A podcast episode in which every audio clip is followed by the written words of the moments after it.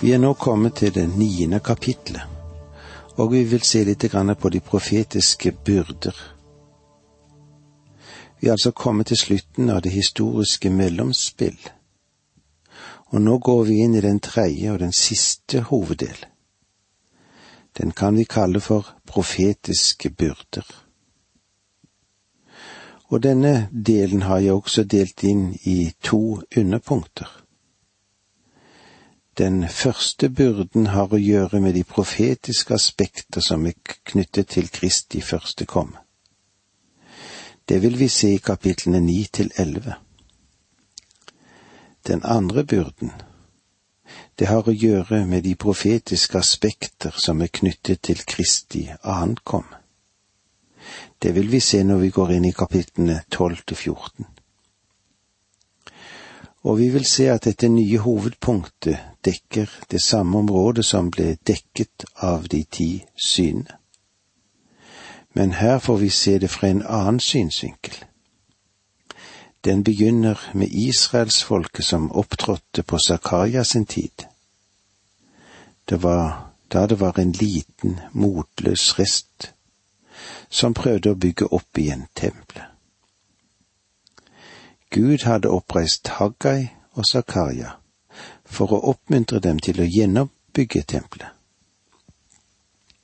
Zakaria han begynner med den nasjonale samtidshistorien.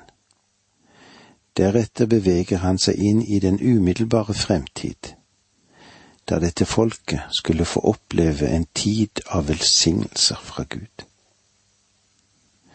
Deretter går han videre inn gjennom århundrenes bueganger.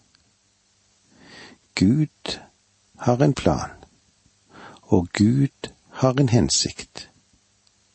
Han har en hensikt til Messias skal komme. Vi vil her møte Messias to ankomster. Først at han vil komme som frelser, og deretter at han vil komme som hersker. Hans første komme hadde kors i synsfeltet. Den, det andre kom. Ja, hva tror du det er? Jo, at han skal ha kronen i synsfeltet. Første byrde Profetiske aspekter Kristi første komme I de første åtte versene leser vi om dommen over de fremmede folkeslag som omfattet Alexander den store og det rike han hadde. Et svært interessant avsnitt. Og vi leser nå sammen de første åtte versene. Et domsord. Herrens ord er i landet. Hadrak, og i Damaskus slår det seg ned. For menneskene retter blikket mot Herren like som alle Israels stammer. Ja, også i Hamat, som grenser til det, og i Tyrus og Sidon, der de er så vise. Tyrus bygde seg festningsverk, hauget opp sølv som moll, og rent gull som avfall i gaten. Se, Herren vil innta byen og styrte festningsverken i havet. Byen skal fortæres av ild. Ashkalon skal se det og frykte. Gaza skal skjelve av angst, likeså Ekron, for dens håp blir til skamme. Gaza skal miste sin konge, og Ashkalon sine innbyggere. I Astot skal det bo et blandingsfolk. Jeg vil gjøre ende på filisternes stolthet jeg vil fjerne blodet fra deres munn og ta styggedommen bort fra deres tenner. Men de som blir igjen skal tilhøre vår Gud og være som høvdinger i Guda. Ekron skal være som jebusittene.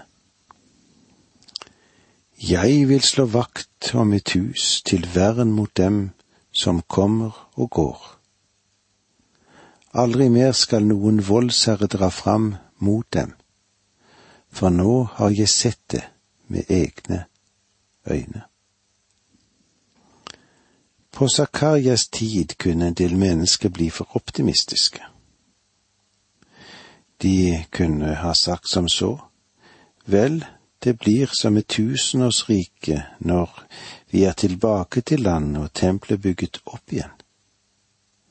Så Zakaria sier til dem, nei, der fremme vil dere få erfare at det kommer enda en verdens hersker, og vi vil se kontrastene mellom denne verdens hersker og den som Gud vil sende til jorden ved et førstekom.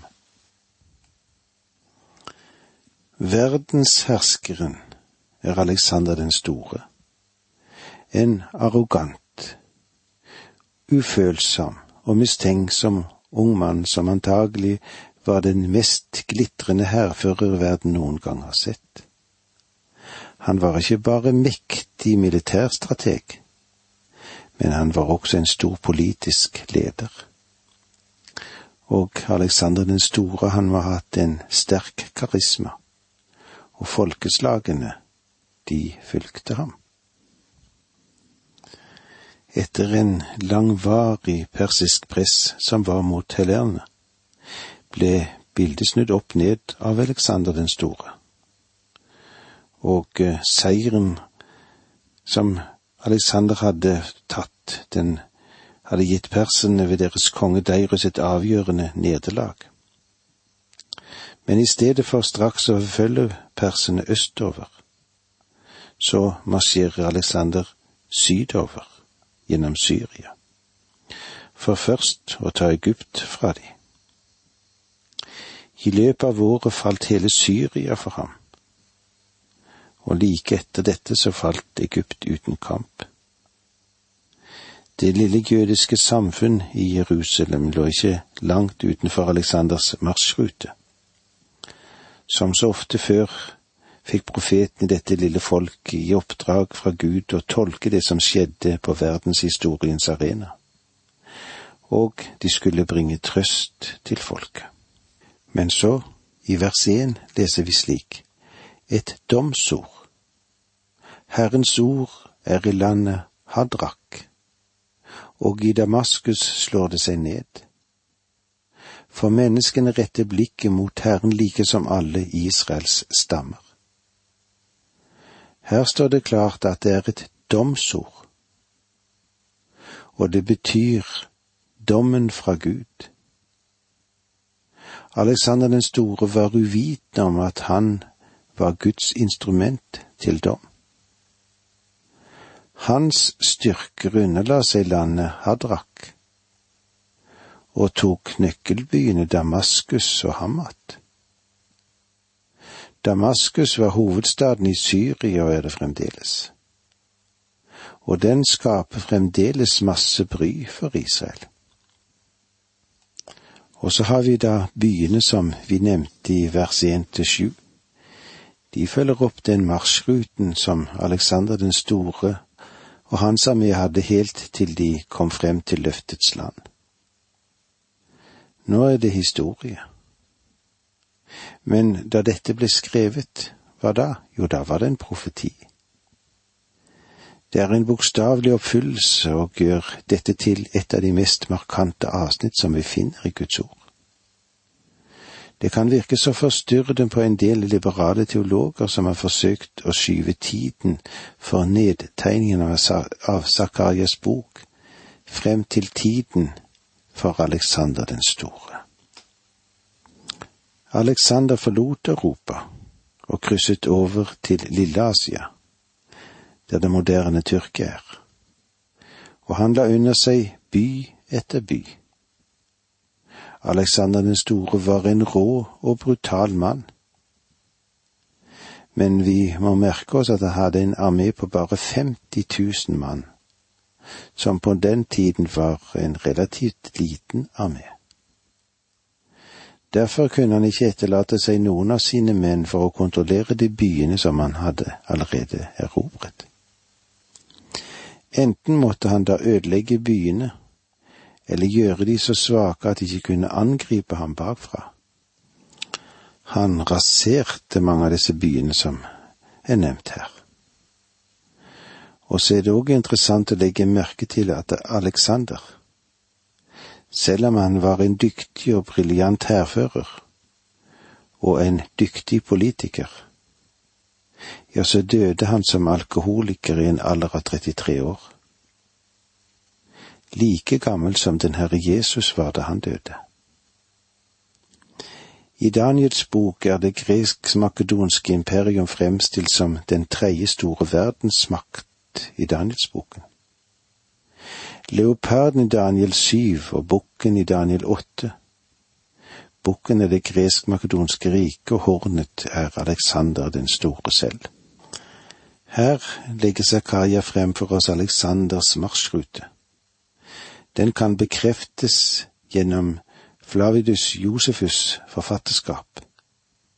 Han som har skrevet om de jødiske krigene og inkluderer detaljer av Alexanders felttog når han med sin hær inntok Palestina. Disse er ting som vi vil komme tilbake til senere, men det var så langt vi kom i dag. Takk for nå, må Gud være med deg. Dette undervisningsprogrammet består av to deler. Åge Nevland fortsetter nå med andre del av dagens undervisning. Vi er i profeten Zakaria. Vi er kommet til det niende kapitlet der, og vi vil se litt på hvordan Gud hjelper sitt folk. Midt i striden så verner Herren sitt folk, og det er godt for oss å vite at det er slik at Han vil ta seg av oss og verne oss, selv om livet kan bryte på mange ganger. Før vi går inn på dette, la oss samle våre sinn og tanker med et vers ifra sangen Velt alle dine veier. Håp da min sjel i faren, til Gud din tillit sett. Han frir deg ut av snaren hvor ille du er stett. Snart skal hans time komme, da lysner himmelens grunn. Din ventetid er romme, og hvilken gledestund. Herre Jesus, vi takker deg fordi du har gitt oss denne mulighet etter håpet, at du òg vil hjelpe oss selv om vi er oppe i mange farer og snarer mange gang.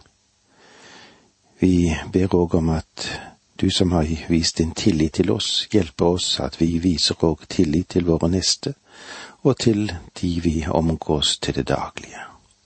Nå ber vi om at du velsigner denne stunda for oss, i ditt gode og hellige navn. Amen. Vi er altså i profeten Zakaria. Vi er i det niende kapitlet der, og i vers to leser vi slik.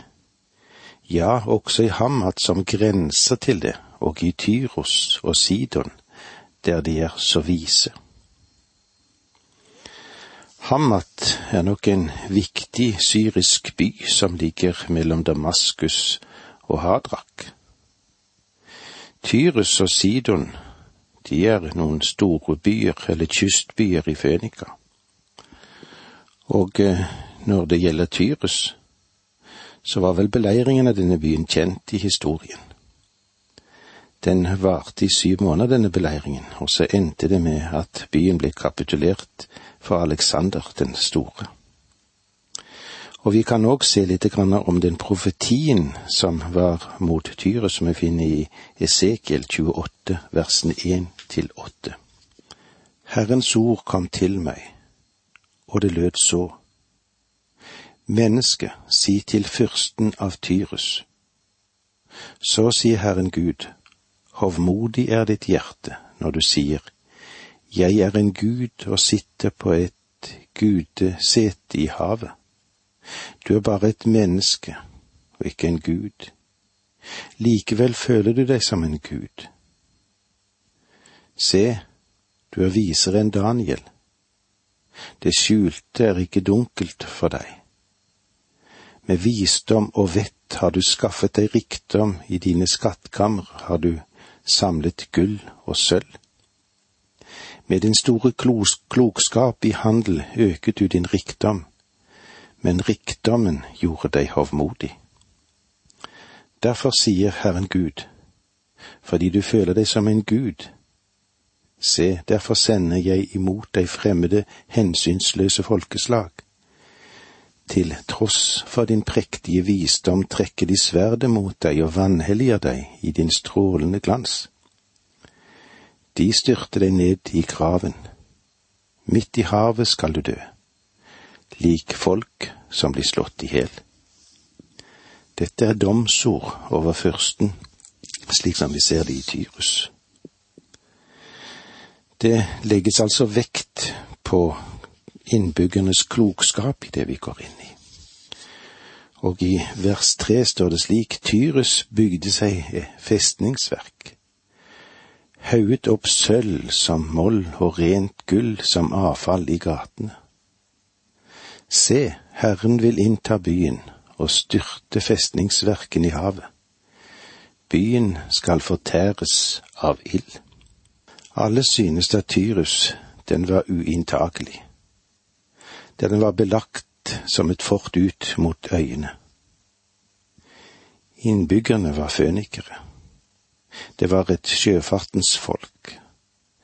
De hadde utviklet en meget suksessrik handelsvirksomhet, og de hadde samlet seg utrolig store rikdommer. Alexander beleiret altså denne byen i syv måneder, og erobret den til sist ved å skyve ruinene av den gamle byen ut i havet for å bygge en molo ut til den nye byen som var forlagt på øyene utenfor kysten. Det er forunderlig hvor bokstavelig profetien i dette tilfellet er blitt oppfylt. Etter at Alexander hadde erobret Tyrus, la han videre under seg det filistiske landområdet. Dommen over Tyrus er altså forkynt. Se, Herren vil innta byen og styrte festningsverken i havet. Her ser vi igjen at verken den befestningen eller rikdommen kunne hjelpe byen. For nå, ja, hva er det den skjer nå? Jo, at Herren handler. Og eh, vi vil se at det er ikke bare fønikerne som har grunn til å være engstelige og redd oppi dette. Nei, Tyrus sitt fall, det vil få store følger for andre. I Alexander sin marsjrute ligger det også flere byer. I Gaza, så vidt vi kjenner til da, vet vi ikke at det var noen konge. Den var underlagt perserne, og den ble styrt av en militærguvernør. Men profeten bruker et tradisjonelt språk, og han bruker en uttrykksmåte som er godt å forstå. Vers fem Askalon skal se det og frykte. Gaza skal skjelve av angst, likeså Ekron, for deres håp blir til skamme. Gaza skal miste sin konge og Askalon sine innbyggere. Drar du sydover mot Gazastripen, så finner du Astod, der det i dag er bygget en kunstig havn. Og her reiser det seg også store boligområder. Følger vi videre sydover fra Astod, kommer vi til Ashkalon. Det er en framgangsrik bykommune. Men det nåværende Ashkalon ligger ikke på samme sted som det gamle Askalon lå.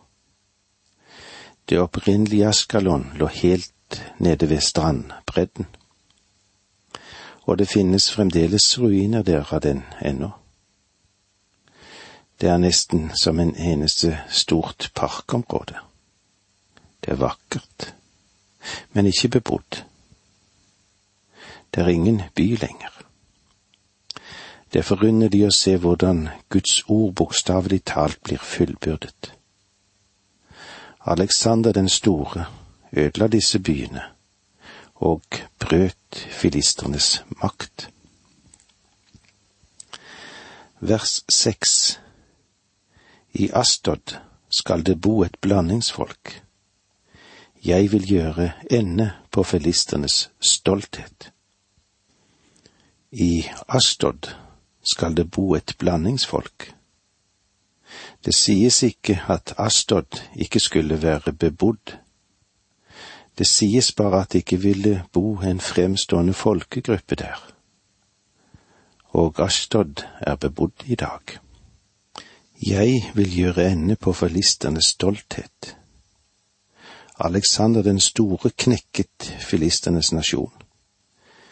De reiste seg aldri igjen som et folk. I vers sju leser vi slik. Jeg vil fjerne blodet fra deres munn og ta styggedommen bort fra deres tenner. Men de som blir igjen, skal tilhøre vår Gud og være som høvdinger i Juda. Ekon skal være som jebusittene. Jeg vil fjerne blodet fra deres munn og ta styggedommen bort fra deres tenner. Hva er dette?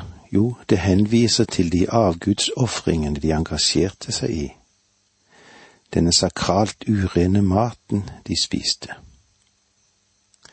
Gud vil ta bort filistrenes avgudsdyrkelse. Men når Kristus vender tilbake, skal de omvende seg til Israels Gud. Men de som blir igjen, skal tilhøre vår Gud, sier Zakaria. Filistia skal bli en del av Guds folk og skal arve Israels velsignelse. Alexander den store, han ødela alt som han okkuperte. Selv om han måtte vente noen måneder for å erobre en by, som for eksempel Tyrus, så vek han ikke av fordi han hadde satt seg fore, og han ville ikke etterlate seg noen sterke festningsverker der han for frem. Nå nærmer han seg Jerusalem. Hva vil han gjøre med Jerusalem? Vel, vi har et underlig vers her. Vers åtte. Jeg vil slå vakt om mitt hus til vern mot dem som kommer og går. Aldri mer skal noen voldsherre dra fram imot dem, for nå har jeg sett det med egne øyne. Jeg vil slå vakt om mitt hus. Det er tempelet han tenker på. Men det er godt å vite at Gud òg vil slå vakt om vårt hus, ditt hus, mitt hus. Det var så langt vi kom i dag. Takk for nå, må Gud være med deg.